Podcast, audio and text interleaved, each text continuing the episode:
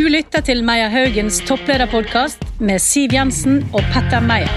Podkasten hvor du blir enda bedre kjent med norske toppledere.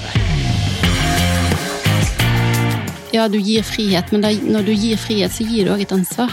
Og da når man får ansvar, så tar man et ansvar. Uh, og ansvar og primadonna, det er liksom Det er veldig forskjellig. Så, så ja, det med ansvarlighet er nok viktig òg som del av den omfattende rekrutteringsprosessen med fagintervju og verdiintervju og ti referansesjekker osv. som vi gjør, da.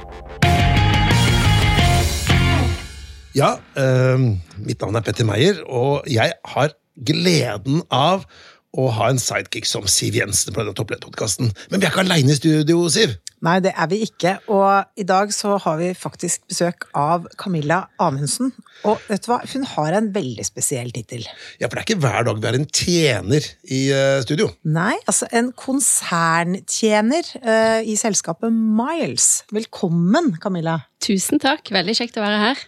Du, Det var hyggelig at du sier, men uh, vi må gå rett på saken. Konserntjener, hva er det for noe? Ja, konserntjener det er jo en tittel som representerer mye av vår filosofi i Miles. Vi har en, uh, en spesiell kultur.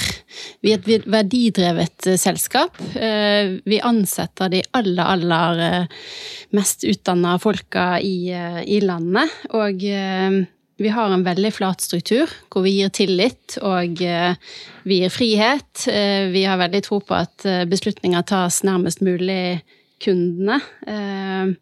Og ja, det er vel en sånn kort oppsummering av hvorfor vi har den tittelen. Men du, jeg leste på, på nettsidene deres, så sto det at her, hos oss finner du ikke noe streng økonomidirektør. Um, men noen må jo passe på bunnlinja? Ja, Altså, det handler jo om eh, begge deler. Det handler om folk, og det handler om bunnlinjen.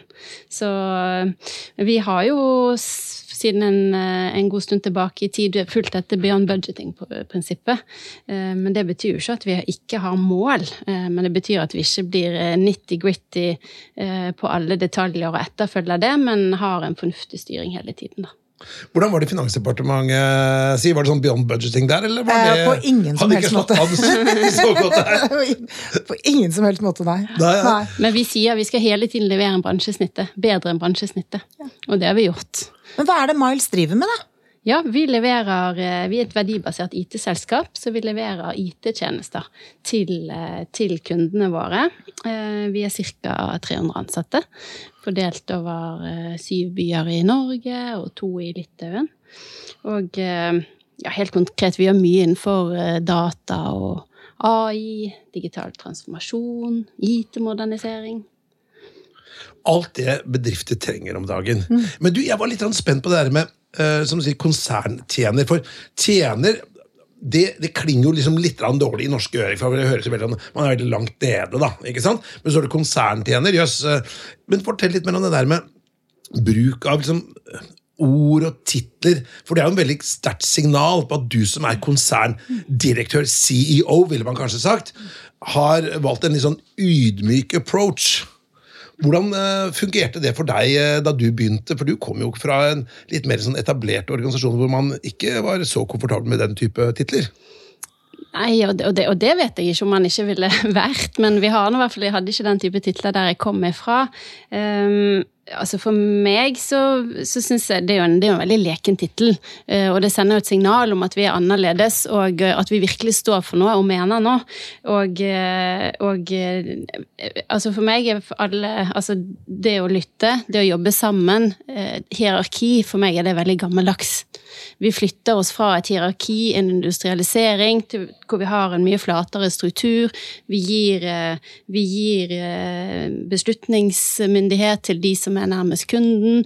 Vi jobber med kontinuerlig utvikling, så for meg er det representerer det noe som jeg kan eh, stå veldig inne for, da. Eh, men så må jeg òg si det med, med, med tittelen. Det handler om, den kommer fra servant leadership. Og det ble jo gjort en studie av Handelshøyskolen eh, for ca. ti år siden, av Miles. Og da kom man fram til at servant leadership var det som, eller tjenerledelse var det som sto nærmest uh, Miles. Um, det det handler om, er egentlig moderne ledelse. Du kan si servant leadership alene blir kanskje det er en veldig, veldig god retning. Og så kanskje kanskje òg litt smalt. Vi må i tillegg bygge på eh, coaching. Vi jobber veldig mye med coaching, det å sette en retning. Eh, hvor skal vi utvikle oss faglig? Hvor skal vi utvikle oss i forhold til våre verdier?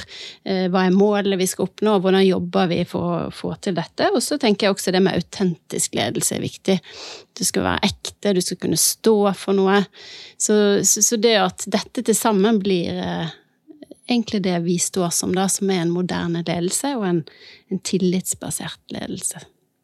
Hvis man da ser på hva skal jeg si, den skandinaviske lederstilen, da, hvor, hvor man har mye makt og påvirkningskraft hva skal jeg si, nede i organisasjonen, for å si på den måten, eh, er det store er det annerledes, er det enda mer makt hos dere, eller hva vil du si? på en måte, Du kommer da fra Telenor-systemet.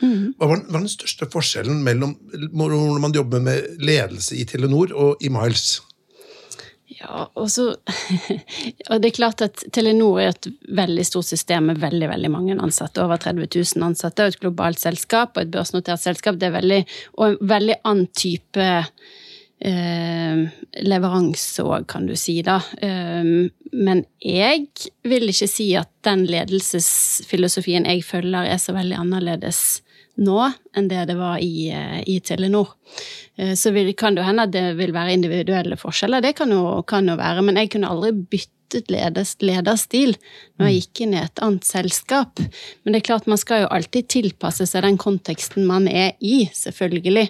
Eh, det er veldig viktig, og for meg er det utrolig viktig å holde på det gode verdigrunnlaget Miles har, den kulturen man har bygget gjennom mange år. Eh, de ansatte, ansatte i selskapet velger Miles på grunn av verdiene og ledelsesfilosofien og friheten, autonomien, det at man hele tiden får lov å utvikle seg, vokse. Så, så det er utrolig viktig å bygge videre på det. Vi skal være eh, framtidens eh, arbeidsplass, og vi skal være helt i tet i forhold til det. Så vi skal være nysgjerrige og utforskende. Eh, vi har noen veldig gode eh, prinsipper som ligger til grunn. Ok, hva er det neste? Hva er det nå vi skal bygge videre på? Det må vi finne ut av. Men du har jo snakket veldig varmt om uh, kulturen i Miles. Ja. Kan du si litt mer om hvordan den er utviklet, og hva, den, hva, hva, hva, er, hva slags kultur er det? Ja, og det begynte i Miles ble etablert i 2005. Og da var det fire, fire stykker som startet selskapet, som satt og jobbet som IT-konsulenter hos kunder. Så var det jo ofte de fikk forespørsel har dere noen å anbefale inn, vi trenger flere her for å lykkes innenfor dette området. Og så var det liksom, ja, de hadde jo egentlig noen, men det var ikke sikkert de ville anbefale akkurat den. Eh, og det var ikke heller sikkert det var den de ville jobbe med, så da var man veldig opptatt av at å etablere et selskap hvor du hadde de aller flinkeste. Du kunne stå inne for at de virkelig kunne, kunne det teknologiske. Og så skulle det være folk som var ok, eh, og, og omgås i tillegg at man likte å jobbe sammen med de. Så det var et veldig viktig fundament. Det skal være flinke folk og eh, så både IQ og EK, da, egentlig. Og det er jo de aller, aller beste problemløserne. Så det var fundamentet. Eh, og så har jo selskapet vokst, og eh, det, man har bevart disse verdiene hele tiden. Det står veldig sterkt. Folk kjenner de. Eh, vi skal være en fremragende arbeidsplass, og man skal få inn de beste og la de vokse videre og utvikle seg.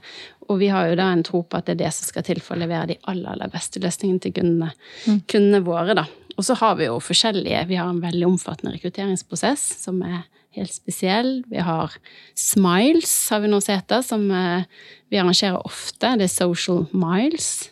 Vi har en policy hvor folk kan dra på kurs og konferanser etter eget ønske eh, i forhold til det de mener skal til for å utvikle seg eh, i riktig retning. Og så er det jo sånn da at når man da kommer hjem igjen, så skal man dele hvor man har vært, hva man har lært, og man skal også uh, synliggjøre hva, hva verdi, verdien i forhold til det, sånn at det, uh, vi har en veldig transparens i selskapet generelt. Det høres jo ut, Petter, som et selskap som mange kunne tenke seg å jobbe i, men få får anledning til å gjøre. Og det tror jeg nok er litt av sakens kjerne her også. Mm. Men etter at jeg hørte om dette her, da, så så begynte jeg å kikke litt på dette med servant-based leadership. Og veldig mye positive ting der. Eh, og når det fungerer, så blir det kanskje den sterkeste bedriftskulturen som funker da, eller som finnes. Men så er det noen minuser, kan det være òg, som alt annet. Og, og, en av de minusene noen trekker fram, da, det er at eh, det er en litt sånn grobunn for litt sånn primadonnaer. For man blir jo tatt veldig godt vare på som Hvis man er flink, så liksom, jeg kan bestemme ting selv. og Det skal litt til for en leder å ta tak i det, da. eh, Og liksom sette en på plass. Eh, eh, Det er selvfølgelig ikke hos dere, men nå tenker jeg sånn teorien generelt. Ja, jeg skjønner jo Jeg skjønner hva du, hva du sier, for det må jo være noen rammer rundt ting, eh, naturligvis. Og eh, men, jeg opplever faktisk virkelig ikke at vi har eh, det i det hele tatt. Vi har utrolig ansvarsfulle eh, kollegaer. Det er noe med at ja, du gir frihet, men da, når du gir frihet, så gir du òg et ansvar. Og da når man får ansvar, så tar man et ansvar. Eh, og ansvar og primadonna, det er liksom Det er veldig forskjellig. Så, så ja, det med ansvarlighet er nok viktig òg som del av den omfattende rekrutteringsprosessen med fagintervju og verdiintervju og ti referansesjekker og så videre som vi gjør, da. Ti referansesjekker. Ti stykker. Nei. Men la oss si at eh, For å ha en liten eh, refleksjon rundt akkurat denne type form for bedriftskultur, da, siden dette med kultur er på en måte et sånt, et sånt subtema her i denne podkasten. Dere er jo eh, heldige at dere kan reflek- rekruttere på høyeste nivå, og det går veldig bra i selskapet. Mange kunder har lyst til å jobbe med dere, naturlig nok. Men kunne man hatt samme filosofi i en organisasjon hvor, hvor man ikke valgte medarbeidere på øverste hylle, hvor det var litt mer vann mellom båtene, hvor denne veldig tilliten kanskje i større grad kunne blitt misbrukt da, i forhold til Uh, ja, Jeg skal ikke spekulere i det, men hva, hva tenker du rundt det? Nei, jeg tror du er inne på noe. Vi kan ha denne filosofien fordi vi ansetter de aller, aller beste. Som er veldig ja, flinke folk, og som da eh, best tar beslutningene selv, da. Så, så det er jeg helt enig med deg i. Hvordan tenker du Finansdepartementet, da du var leder der, eh, Siv? Hvordan hadde en sånn eh, kultur Eller øh, kanskje dere hadde sånn, for alt- jeg vet? Nei, det er jo en helt altså, Du kan ikke sammenligne det, men jeg vil nok si at uh, veldig mange av de som jobber i Finansdepartementet, jobber jo veldig selvstendig. Men uh, det er jo litt andre beslutningsprosesser. De er avhengig av den til enhver tid sittende statsråd og regjering og det Stortinget, og det er mange rammebetingelser som gjør at man nok må ha litt uh, mer rigide systemer. Ja. Ja, Men det er mye flinke folk der òg, for all del. Absolutt. Men du, du jobber da i tech, og et tema som alltid er spennende, det er i hvert fall vi som et rekrutteringsselskap får jo beskjed om ja, finn noen gode kvinnelige ledere, finn noen gode teknologer som er, er kvinner. Hvis vi skal være litt kjønnsbinære her, da. Eh, hva er ditt syn på det å finne kvinner i teknologibransjene? Først og fremst må jeg si at det er jo det er altfor få kvinner i teknologi og innenfor teknologi og IT i dag. Um, og det er liksom et sted vi har kommet, uh, som jeg egentlig undrer meg litt over, og som jeg tror oppriktig vil endre seg framover. Eh, det er så mange spennende problemstillinger vi jobber med, eh, altså i forhold til bærekraft, grønne skifte, store, eh, store trender da, og endringer i markedet generelt. Det er man helt avhengig av IT og teknologi for å løse. Og da er vi så avhengig av å ha også kvinner, så jeg tror dette må vi snakke mye mer om. Det er ikke sånn at man sitter og koder på gutterommet. Det er utrolig mye mer enn en som så, og, og veldig vari, variert. Jobber mye sammen eh, i team. Eh, jobber forretning og IT smelter jo mer og mer sammen. Så det å forstå, virkelig forstå kundene, gode, gode brukergrensesnitt, forstå forretning, eh, jobbe godt sammen i team, eh, samarbeidskompetanse, relasjonskompetanse, kommunikasjonskompetanse. Alt dette her er jo en del av IT-bransjen. Så, så det er jo en det er jo en utfordring i IT-bransjen i dag at du har for lite, for lite mangfold generelt. Da.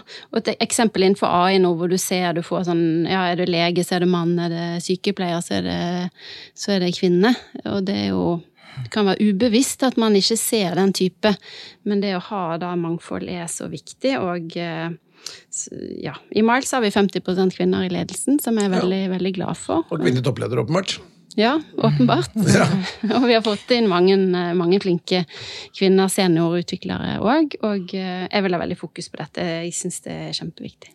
Men vil du se på deg selv som en kanskje rollemodell for uh, unge kvinner som står ved liksom veivalg om hva de skal bli når de blir voksne? Hvis jeg kan være en rollemodell, så er jeg veldig, veldig glad for det. Hvor, står, hvor hvor starter problemet? For ikke sant? Det er færre kvinner som, som er teknologer enn menn, da. Ikke sant? Eh, og så, så vi som har jobbet med rekruttering, vi, vi får jo ofte spørsmål ja, kan dere ikke finne noen kvinner. Jo, jo, det gjør vi mer enn gjerne. Men det er færre av dem. ikke sant? Og det skjer jo helt fra valg av naturfag, altså den uh, matte og, og statistikk og den type fag. eh, og det går på også valg av, på informatikk. Eh, og? Så rekrutteringen det er, det lages, produseres ikke, hvis man skal bruke den termen, da, den type kandidater. Så eh, hva, skal vi gjøre med det, da? Nei, altså, vi må begynne tidlig å snakke om dette. eh, Og det at du må ha matte og fysikk for å jobbe med data det er jo ikke, og, og teknologi, det er jo ikke én til én heller. Så vi må snakke om det tidlig, få, få med jentene, og så må vi jo tenke mer kreativt. Et eksempel, Jeg var i Stavanger denne uken og besøkte kontoret vårt der, og der er det en nyansatt nå som eh, hun har jobbet som sykepleier. Og så har hun tatt etterutdannelse og jobber nå som eh, systemutvikler. Og eh, forretning og IT smelter sammen. Vi kan ikke være liksom enten liksom eh, ren forretnings... og så ren IT. altså Sånn at jeg nå går for fra Telekom til IT-bransjen. Det, det er viktig å gå litt mer på kryss og tvers, det tror jeg på, for å løse de store, store utfordringene vi står overfor. Og, og, og, og hun som jeg nevnte nå, som kommer fra helse. Og når du da virkelig har, har kjent på kroppen de utfordringene man, man har innenfor eh, for helse, helsevesenet, da, så kan du ta det med deg inn som en utvikler i tillegg. Men Du, hva slags leder er du? Ja, um, hvilke leder er jeg? Og det er jo, det er jo mye forskjellig uh, som er viktig i forhold til ledelse. Eh, jeg er en leder som liker å være tett på folka mine. Ehm, jeg må ha Jeg må brenne for noe. Eh, jeg er ingen eh, jeg er ingen forvaltende leder. Jeg liker å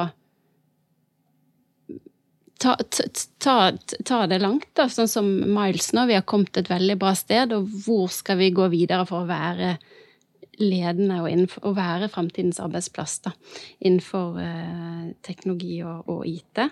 Um, det er jo noen, eh, noen elementer som jeg har med meg. Jeg har to, to verdier da, som jeg, jeg følger sånn generelt. Um, og det er mot, mot, det å være modig, og vekst. Eh, Modig, eh, det går da både på det å tørre å ta modige valg, stå i det, ta modige valg for selskapet, som er riktige valg. Det kan ofte være lett og komfortabelt, og det kan gå helt greit med å ikke ta modige valg også, men, men jeg tror veldig på det å gjøre det ordentlig, og da tørre å ta de modige valgene. Og så tror jeg på vekst, både i forhold til personlig vekst, vekst for de ansatte, vekst for selskapet. Det å ha det alltid med meg, da. Det, det representerer nok mye av det jeg står for, egentlig.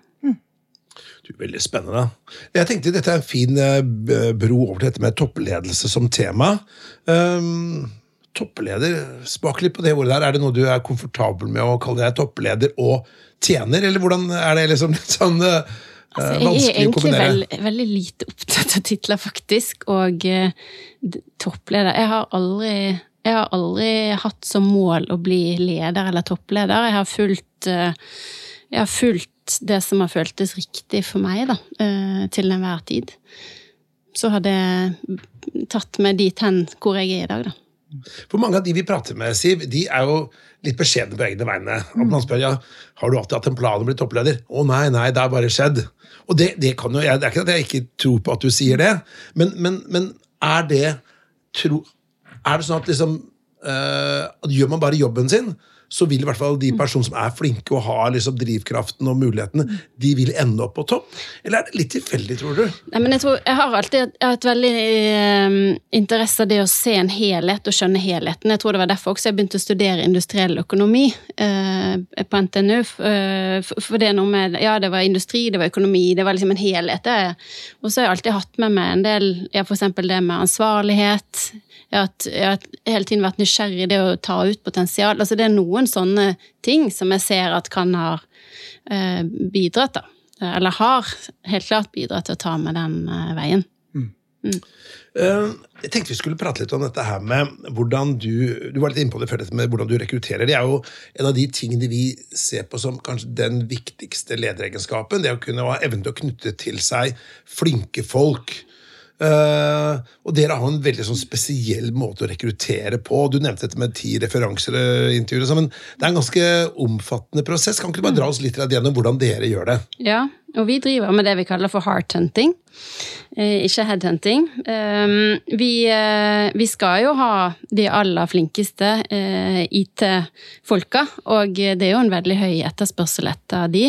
Så det å, å, å virkelig leve det, og etterleve det vi sier vi skal gjøre eh, i, i Miles, det er viktig, og vi får jo da ansatte som som òg henter inn da, andre som de vet er flinke og vil passe inn. Så vi kjører jo omfattende første del av kandidaten blir kjent med oss, for det er jo en gjensidig prosess. Det er ikke bare vi som velger, kandidaten skal velge oss. Det er veldig viktig, for at når de først har tatt et valg, så, så er det noe de virkelig da ønsker. Så, og det, vi kjører fagintervju, hvor vi har, eh, har da eh, våre konsulenter da, som intervjuer de som skal inn, eh, innenfor det området det måtte være relevant. Da, så kjører man case der og da.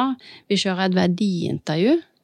Eh, Vi skal ha empatiske mennesker, samarbeidskompetanse osv. Så, videre, så det er veldig viktig for oss. Så vi kan, eh, også, ja, vi kan fort kjøre fem-seks intervjuer før vi da gjør den referansesjekken. Da. Med, med ti referanser, hvor det kan være både være tidligere kollegaer, men også private. Det kan være ektefelle. Eh, Kjør ti referanser på egen ektefelle. Det, det, det, det, kan det kan bli dårlig stemning. Nei, men eh, fordi eh, ikke sant, fordi det har vært utfordringen, da, nettopp som du sier, å få tak i veldig gode IT-folk. Eh, og så noen ganger så tenker man ja, vi, vi må si nei til oppdrag hver dag, for vi ikke har gode nok folk.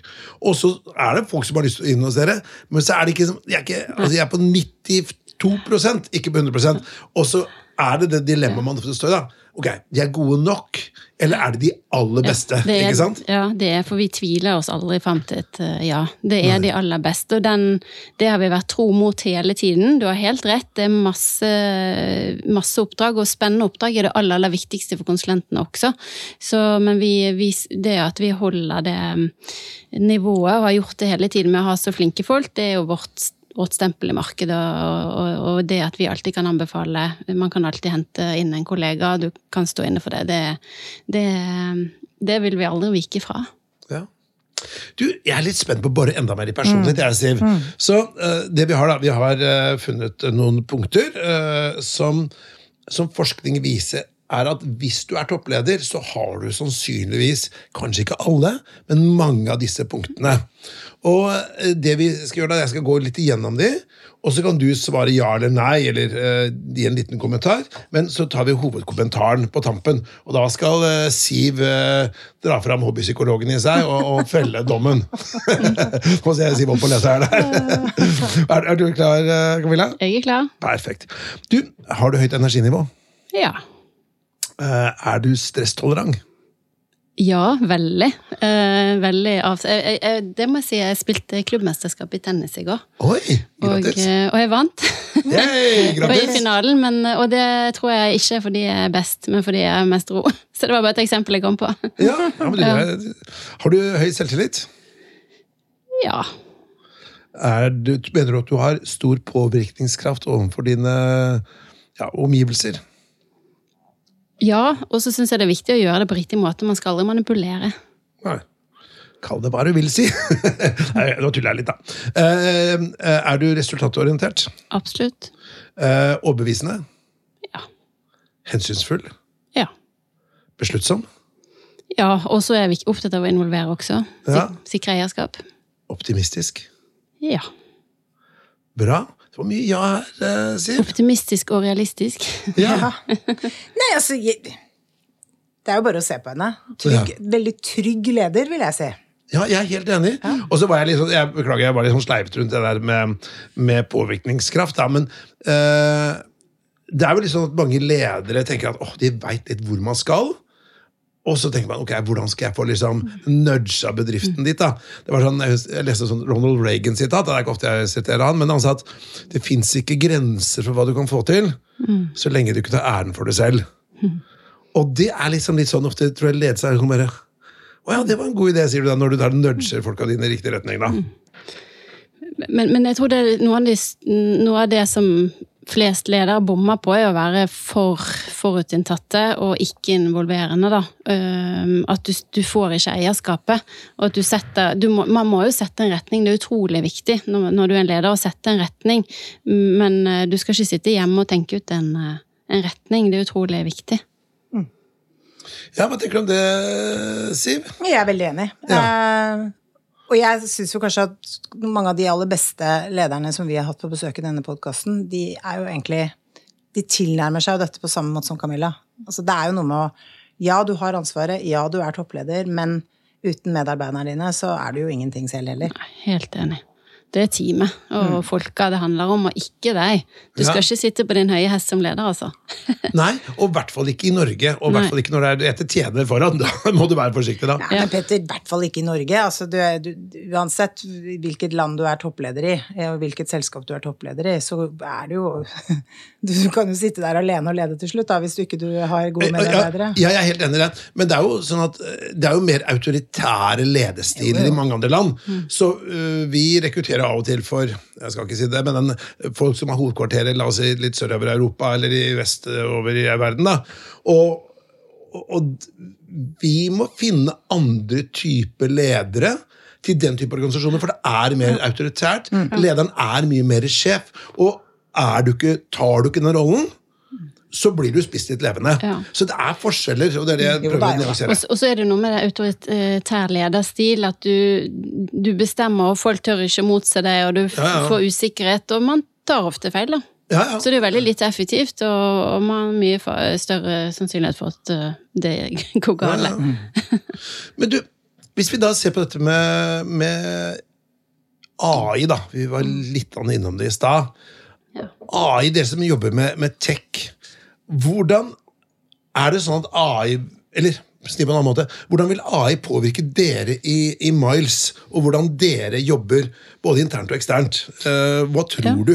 Ja, det påvirker oss, og det påvirker jo altså i generelt eh, hele næringslivet, da. For oss er det jo et viktig verktøy å ta i bruk. F.eks. Eksempel Q- Copilot, som vi nå bruker til eh, programmering. Og det er jo det er selvfølgelig veldig avhengig av hvilke kunder vi er hos osv., men vi er jo opptatt av hos de kunder vi er hos, å få de i gang med AI. For det er en liten sånn kneik å komme seg eh, komme seg over, og så er det lett å liksom bli sittende og vente, men det å være, begynne å teste ut og, og lære, det vil ta langt, altså det vil gå, det vil ikke skje noe over natta her, selv om det har skjedd mye og alle snakker om AI, men, men om fem år, da vil det nok ha en stor, mye større betydning enn det det har i dag, så vi tror på det at du, eller jeg er helt sikker på, du må bare begynne å teste og, og finne ut av dette her. Så Men vil det disrupte hele arbeidsmarkedet? For det tenker jeg i hvert fall inn, Det er mange yrker som kommer til å bli helt vipa ut. Jeg tipper folk som jobber med å oversette mye sånn tekstarbeid. Det er på en måte De første AI-modellene nå er jo rett og slett bare tekst. Men det vil jo bare ta kort tid, så er det bilde, det kan være musikk, det kan være lyd, film. Veldig mye av det vi gjør, vil en maskin gjøre nesten like godt. Og Det må alltid være noen som bestiller hva, det, hva du skal ha. Det vil, vil alltid være et uh, verktøy, men det vil være et veldig nyttig verktøy. Og i noen bransjer vil det gjøre mer, og i andre vil det, vil det gjøre mindre. da. Mens det som uh, selskaper må nå passe på, er å begynne å tenke på hva kan hva kan vi bruke AI til internt, og hva kan vi bruke AI til eh, mot kundene våre, f.eks. Og det å få, eh, få kontroll over alt man har av data, ha en god dataplattform, bruke, begynne å bruke dataen, begynne å eh, automatisere gjentagende oppgaver, osv. Kan vi kalle det kanskje den eh, altså, industrielle revolusjonen 3.0, da. Ja. Kan, ja. Det ble, var mange som ble vipet ut, Petter, under den første industrielle revolusjonen òg, men det gjorde jo ikke at arbeidsledigheten over tid ble høy. Men jeg tenker at dette er noe vi har bygget oss opp. Altså Jeg kommer fra Telekom, og vi har fantastisk infrastruktur nå med, med fiber og nett og mobilnett, så du har en god infrastruktur. Mm, du har eh, dataen oppe i skyen, du liksom har bygget stein på stein, og plutselig har du en utrolig god motor eh, som tilrettelegger og muliggjør at vi kan bruke all dataen. Det er jo ikke nyttig å bruke data, sette regler, mens det er noe med kraften i det som skjer nå, da, som er veldig spennende. Og så tror jeg det vil løfte oss som samfunn. Eh, jeg tror ikke det vil bli mindre å gjøre, fordi at man vil alltid ha mer og andre ting. Du bare kommer til et, eh, til et annet nivå, da. Og så må vi komme over en kneik òg i forhold til, eh, til regulering og sikkerhet, og, og nå kommer det EU-regulering i forhold til dette som vil gjelde oss, og, og det er jo viktig. Så, så, det vil jo skje, da. Men ser dere noen etiske dilemmaer med AI? Eh, jeg tenker det med regulering er veldig veldig viktig i forhold til akkurat det. da. Mm. For det er, jo, ja, det er jo absolutt det. Så man skal være veldig bevisst uh, over hvilke data som brukes, og, og så videre. Mm. Mm.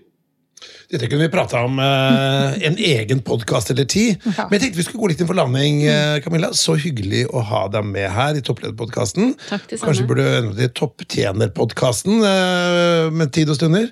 Men uh, lykke til videre, og vi heier på dere i Miles. Det gjør vi virkelig. Og ja Her fikk vi mye tanker om kultur, Siv. Ja. Altså da, hun eh, presenterer jo et selskapet på en sånn måte at jeg kjente at jeg fikk veldig lyst til å jobbe der. Men jeg hadde aldri kommet gjennom den nåløyet. Og ikke kan jeg nok take heller. Det er ikke, det er ikke ti personer som vil prate godt om deg? Det er det nok, men jeg tror ikke jeg har de kvalifikasjonene som skal til. Nei, vi får se vi får se om vi klarer å stikke oss inn i Miles en gang. Men i hvert fall lykke til videre, Camilla. Tusen, tusen takk. Takk for meg. Du har lyttet til rekrutteringsselskapet Meyer Haugens topplederpodkast. Vi produserer også Rekrutteringsrådet og stillingspodkaster. Har du forslag til gjester eller temaer vi bør snakke om, gå inn på vår Facebook-side Meyer Haugen.